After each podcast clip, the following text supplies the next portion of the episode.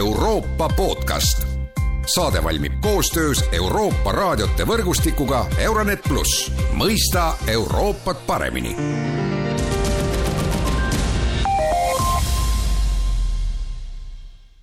tere taas kuulama Euroopa podcasti. homme, kahekümne neljandal veebruaril möödub aasta täiemahulisest sõjast Ukrainast. Kuidas ukrainlased on sõjas vastu pidanud ja kuidas see sõda on neid mõjutanud, sellest kõneleb tänases Euroopa podcastis Ukraina valitsuse nõunik ja MTÜ Herojam Slava kaasasutaja Jaanika Merilo, tere päevast! tere päevast! ja mina olen Erkki Pahovski. no tõepoolest, esimene küsimus ongi, et et see sõda suur sõda on möllanud juba aasta ja Jaanika, küsimus ongi sulle, et kuidas siis ukrainlased on vastu pidanud, no me teame muidugi, et äh, rinne on vastu pidanud ja Kiievit ei ole Venemaa võtnud, aga üldises plaanis see ju ikkagi tähendab äh, suurt muutust ka igapäevaelus ja, ja praegu paistab ikkagi, et ehkki ukrainlased võib-olla mõnes kohas ja, ja, ja ajuti väsinud, siis ikkagi noh, nad on ju vastu pidanud jaa, väsinud on muidugi, sest kõik inimesed väsivad, nii aitajad väsivad kui ukrainlased väsivad kui võitlejad väsivad. aga mis on tähtis see, et, et vaim ei ole kindlasti mitte murdunud, vastupidi, et vaim muutub kogu aeg aina otsustavamaks. ehk siis, kui Venemaa lootus oli, et äh, mida pikemalt sõda jätkub, seda rohkem ukrainlased on valmis kompromissiks, nähes seda kõike hävingut, aga tegelikult on vastupidi. et iga päevaga ja iga uue sõja kuriteoga on ukrainlased pigem otsustavad, et me ei tee enam kompromisse, meil on vaja tagasi saada meie maad, meil on vaja õiglast kohut, õiglast heas mõttes kättemaksu ja, ja Ukraina ja ukrainlased kindlasti peavad vastu nii kaua, kui on, kui on kogu territoorium vabastatud, varem või hiljem. et selles mõttes meile on, on, on otsustav. aga väga on tunda, et tegelikult lääneriigid ei väsi aga väsivad võib-olla, ütleme, igapäevased abistajad. ehk siis väga suur osa on ju ka sellest äh, abist, mis Ukrainale osutatakse, mitte ainult finantsabi suurte doonorite poolt, vaid ka inimeste poolt osutatav abi. tegelikult seal on võib-olla isegi kõige rohkem tunda seda. ja ma arvan, et meiesugused MTÜ-d tunnevad seda ka, kuidas on väga-väga palju vähemaks jäänud just sellist nagu inimeste poolt abitoetust et on tunne, et nüüd need suured doonorid võtavad üle, nüüd meie abi ei ole enam vaja, aga tegelikult nagu noh, ka meie ei, ei tohiks väsida, kui me vähegi suudame ja, ja toetada ka oma, omalt poolt edasi, et et Ukraina peab vastu, et meie võiksime ka ja peaksime ka no küsin siit siis kohe jätkuküsimuse, et mida siis nagu teha selleks, et võib-olla siis Eestis see huvi ukrainlaste abistamist, abistamise vastu jätkuks, kas tuleks teha mingit teavitamiskampaaniat või, või tuleks pöörduda inimeste poole peaaegu et isiklikult? No ma arvan, et väga paljud on leidnud juba endale selle äh, viisi, kuidas aidata, väga paljud on arvanud, et nende panus on antud ja suur tänu selle panuse eest, aga näiteks meie äh, teeme seda tõesti väga isiklikult, et äh, otseses mõttes meid on toetanud üle tuhande neljasaja inimese läbi meie MTÜ ja ma olen küll proovinud absoluutselt igale ühele isiklikult saata infot, et teie abi on jõudnud sinna. näete, need on need inimesed, kes on selle abi saanud, et, et see kõik jõudis kohale, et äh, ja kui sa näed neid õnnelike inimeste nägusid, siis see ka motiveerib, et, et, et kindlasti tagasiside ja teavitus, aga aga see, et me isegi täna räägime sellest, ma arvan, et juba see on väga tähtis teavitus, et öelda, et teate, juba on tunda väsimust, aga palun proovime veel nii kaua, kui see sõda tõesti on läbi. No arusaadav ja ilmselt ka ju see, eks ole, mängib rolli, et kui Ukraina sõda algas, siis noh, Eesti majandus ei olnud veel ju languses hinnatõusu ja sellisel kujul veel ei olnud, eks inimeste sissetulekud on nüüdseks ju vähenenud ja noh, igaüks ilmselt ise kalkuleerib, aga küsimus on ka selles, et mida sa ütled, kas kas tuleks pigem toetada rahaliselt või tuleks ka siis mingisuguseid asju kokku osta? No ma arvan, et pigem isegi rahaliselt, sellepärast et organisatsioonid tihti saavad paremini aru, mis on täpselt sellel hetkel vaja ja suudavad ka logistikat paremini korraldada. et tegelikult selliste asjade saatmine on suhteliselt, ütleme niimoodi, äh, logistikale väljakutse, et kui ma ostan lihtsalt midagi ja saatke lihtsalt kuhugi. et tegelikult nüüd juba paljud organisatsioonid ja on leidnud väga kindlad nagu viisid, kuidas toetada, näiteks meie ostame praegu gaasipliite ja ga gaasiballoone Dnipro elanikele, kes on täiesti piiri ääres. Dnipro linn oli varem miljon, nüüd on üks koma kuus miljonit, on tohutult palju neid, kellel on hävinenud eluase, kes on põgenikud ja neil on vaja väga konkreetseid asju, näiteks külma talve ajal neil ei ole gaasi, elektrit, gaasipliite. ehk siis paljud äh, MTÜ-d saavad isegi paremini aru, et nende annetatud raha eest, mida ja kuhu ja täpselt, kuidas on vaja ja kuidas seda kõige efektiivsemalt korraldada. et selles mõttes ma ütleks küll, et raha annetamine endiselt on see kõige nagu äh, ku-, kuidas ma ütleks, kin-, jah, ma just mõtlesin, kas kindlam on hea sõna, kindlam viis tõesti jah, et, et asjad on juba, ma arvan, paljudel ka ära antud, et, et nii tohutult palju on ju eestlased aidanud, et tegelikult summades kordi rohkem kui ka valitsus. no kui aasta tagasi see sõda algas, siis äh, missugused olid äh, ukrainlaste lootused ja hirmud, et et tegelikult ju me teame seda või nii palju on teada, et Ukraina võib-olla ise ka väga ei uskunud seda, et Venemaa kallaletungi alustab, et Volodõmõr Zelenskõi, näiteks Ukraina president ju ei uskunud, et Venemaa sooritab kallaletungi otse Kiievile ja sinu kommentaar, et missugused need lootused, hirmud olid aasta tagasi, kakskümmend neli veebruar või ka kakskümmend kolm veebruar kaks tuhat kakskümmend kaks? Ma arvan, et paljud ikkagi tõesti uskusid, et äh, laiamahulist kallaletungi mm, Kiievile ei tule. et isegi, kui algab äh, mingi äh, laiem ja aktiivset tegevust, siis pigem Luganskis ja Donetskis, kuna kuidagi ikkagi inimesed uskusid, et maailm ei ole päris hulluks läinud ja ka mina ütlesin seda, et, et kuidagi tahaks teha panuse sellele, et ei ole hulluks läinud. tuli välja, et panus oli siiski nagu vale selles mõttes, et see oli ebaratsionaalne otsus rünnata Kiievit, aga ometigi selline otsus tehti, et tegelikult enamus elasid oma elu ja, ja küll oli sellist noh, sõjahõngu tunda juba peale Zaphodi õppuseid, et kogu aeg oli selline kerge lisapinge alates valitsusest, kes rääkis, et kus on lähimad pommivarjendid ja kuidas tehti nalja selle üle, et kas sa oled juba tuttav oma lähima pommivarjendiga ja kõik need meemid, mis olid sellega seotud, aga seda pigem ikkagi arvati, et see nagu on stsenaarium, mis ei realiseeru. et see, et panuste tõstmine, viimast korraldust ei tule ja kui tuleb, siis on see tõesti Lugansk-Donetsk. et, et arvestati ikkagi, et nagu mitte homme ei tule sõda, kui vaadates täna, vaid et homme läheb elu samamoodi edasi, võib-olla natuke intensiivsemalt, aga siiski aga ei läinud, et tegelikult ju muutus päris palju, et, et ja, ja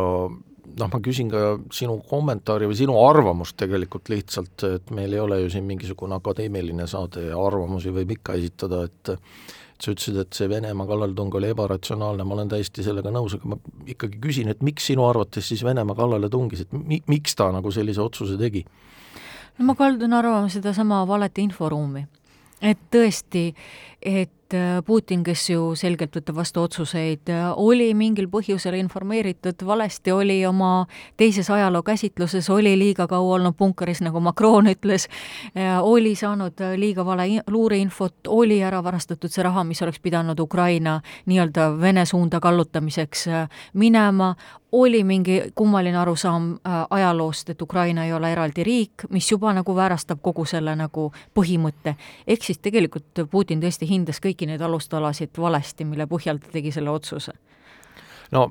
ja üks asi ongi see, et äh, sa mainisid, et, et Putini arvates ei ole Ukraina eraldi riik ja noh, ta on ju kirjutanud ka, et ukrainlased ei ole eraldi rahvus. Aga mis siis vahepeal muutus, et sellest on ka palju räägitud, aga sinu arvamus huvitab ikka, et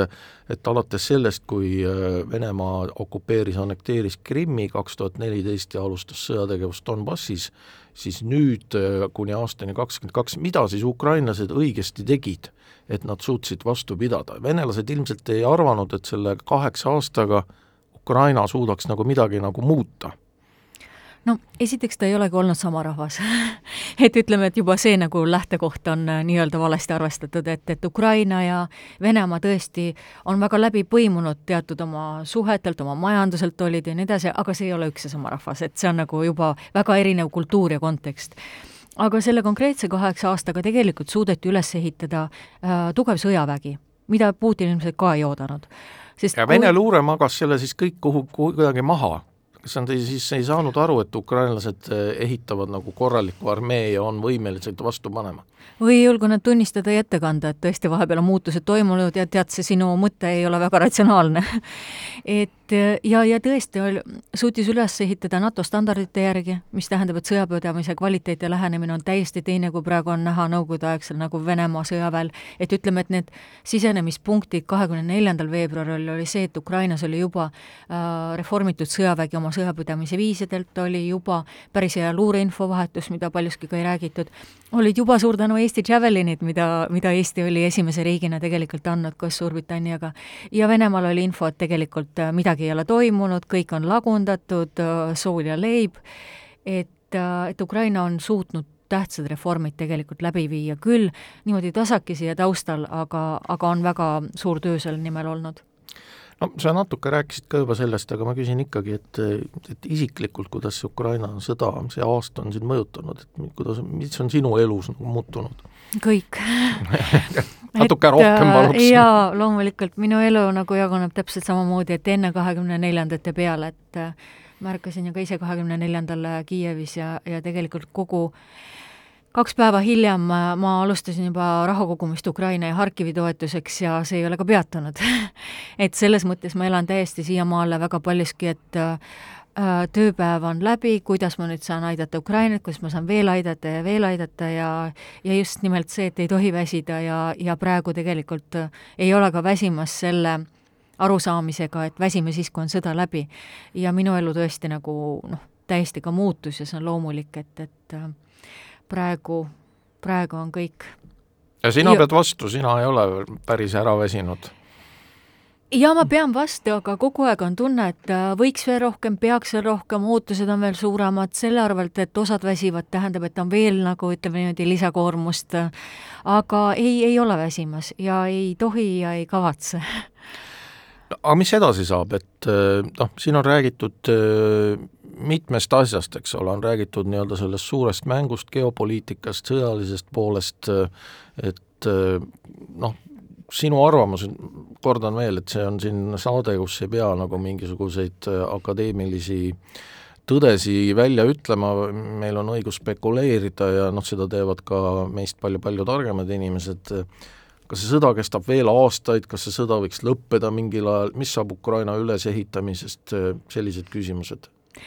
no kui me vaatame kõiki neid väga tarku kindraleid, kes on andnud erinevaid prognoose nagu Ben Hodgesed ja Petrejased ja nii edasi, siis ju ka nemad tegelikult nagu ei arva kõike seda ajaliselt ära ja, ja see sõltub nii paljudest teguritest, see lõpp, et kui kiiresti tarnitakse relvasid, relvatarned jäävad pidevalt hiljaks, äh, kui, äh, mis on loodustingimused rünnakuks, pealetungiks, nii edasi, et ma ajaliselt nüüd nagu on väga raske prognoosida, millal. ma tahaks uskuda, et see mm, aasta ikkagi lõpeb aktiivne sõjategevus et mis piirides ja kui kaua võtab kogu territooriumi vabastamine aega, see on küsimus, aga aga juba on saanud aru tegelikult äh, enamus riike, et Ukrainat ei ole mõtet kallutada sellise loobuge teatud territooriumitest vaherahu suunas et küsimus on ainult ajas, et Ukraina sa usud seda siis, et Ukraina võidab, et siin ma olen kuulnud ka selliseid noh, negatiivseid kommentaare või spekulatsioone, et, et väga ei taheta ikkagi uskuda, et Ukraina on võimeline võitma, noh alguses muidugi ei usutud ka seda, et Ukraina üldse vastu peab. aga nüüd ikkagi Ukraina on aasta otsa vastu pidanud, aga ikkagi need kahtlused jäävad. no alati on küsimus võidu definitsioonis, on ju et, et võit, mida tähendab, et äkki need skeptikud ütlevad, et võit ei ole, et, et nad ei saa kõiki territooriume tagasi, selge on see, et Ukraina riik kui selline võidab ja Ukraina on öelnud, et tema jaoks on võit ainult täielik territooriumite tagastamine, hiljem reparatsioonid ja tribunal ehk siis jaa, ma arvan küll, et Ukraina võidab, küsimus on ajas ja ohvrite arvus ja hulgas. ja see on väga tähtis, et võimalikult ruttu Ukrainat tarnitakse relvadega, et Ukraina saaks võita, mitte ei, ei jookseks tasapisi nagu verest, mitte küll tühjaks, aga ei veritseks kogu aeg. sest praegu on just need hetked, kus Venemaal ei ole veel tegelikult nagu väga professionaalset võimekust uuesti alustada lahingutegevust, ta kindlasti alustab, praegu on juba näha, et tegelikult piiride ääres on rohkem äh, vähem ja rohkem koolitatud sõjaväelasi, kui oli aasta tagasi. et on juba kogunenud ka lennuväed ja nii edasi, aga ikkagi see hetk on praegu tegelikult, et kui väga venitada nende relvatarnetega ja valmidusega, siis äh, ka Venemaa suudab ennast koguda, et tegelikult siin on küsimus, et mida kiiremini ta võidab, seda parem. selge on see, et ta võidab, aga pigem ta peaks ja võiks võitma kiiremini ja see sõltub ka välisriikidest ja partneritest no viimastel päevadel on räägitud väga palju Hiina osalusest ja viidatud siin sellele Hiina partnerlusele Venemaaga, mida Ukrainas Hiinast arvatakse, et kas see Hiina võiks olla nii-öelda see mängumuutja? ma loodan, et ei saa mängumuutjaks, ta kindlasti, kui ta hakkaks osutama sõjalist abi Venemaale, siis ta oleks mängumuutja, aga Ukraina ikkagi loodab ja kõik sellised, ütleme, majanduslikult kaalutlevad jälle suurjõud samuti loodavad, et Hiina saab aru, et tegelikult Hiina majandusele äh, sanktsioonide ja muu mõju äh, on, on samuti koormav, et kas see on seda väärt, et asuda sõtta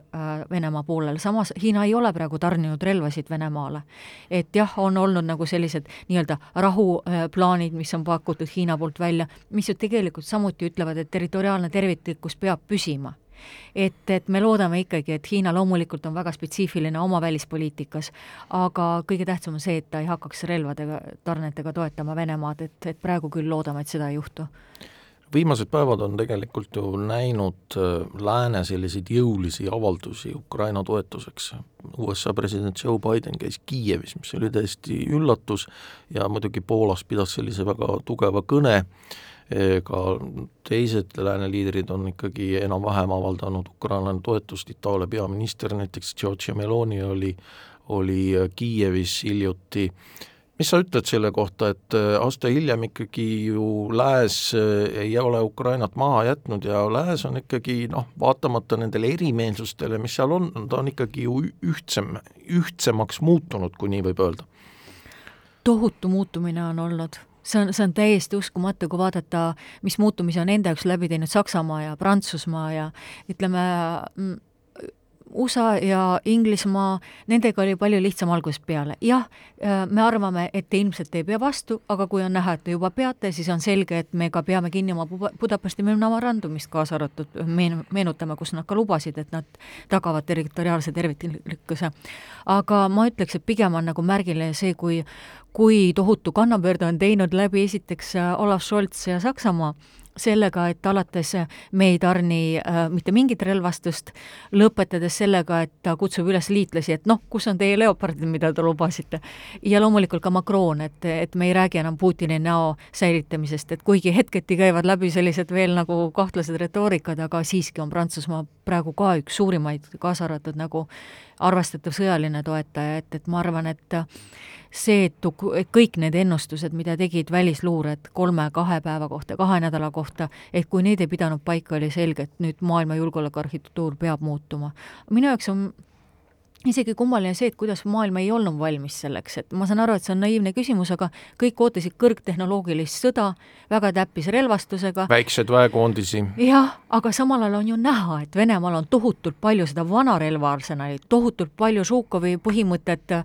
laipadega, vabandust, üle külvata ei ole keegi veel Venemaal nagu tühistanud, et kõik need eeldused olid ju tegelikult, et see uus sõda tulebki selline, nagu ta on, et kurb on see, et tegelikult liitlased ise ei olnud valmis oma varudelt ja ja tõesti relvastusega vastuselt. aitäh, Jaanika Merilo stuudiosse tulemast, see oli tänane Euroopa podcast ja soovime kõigile head iseseisvuspäeva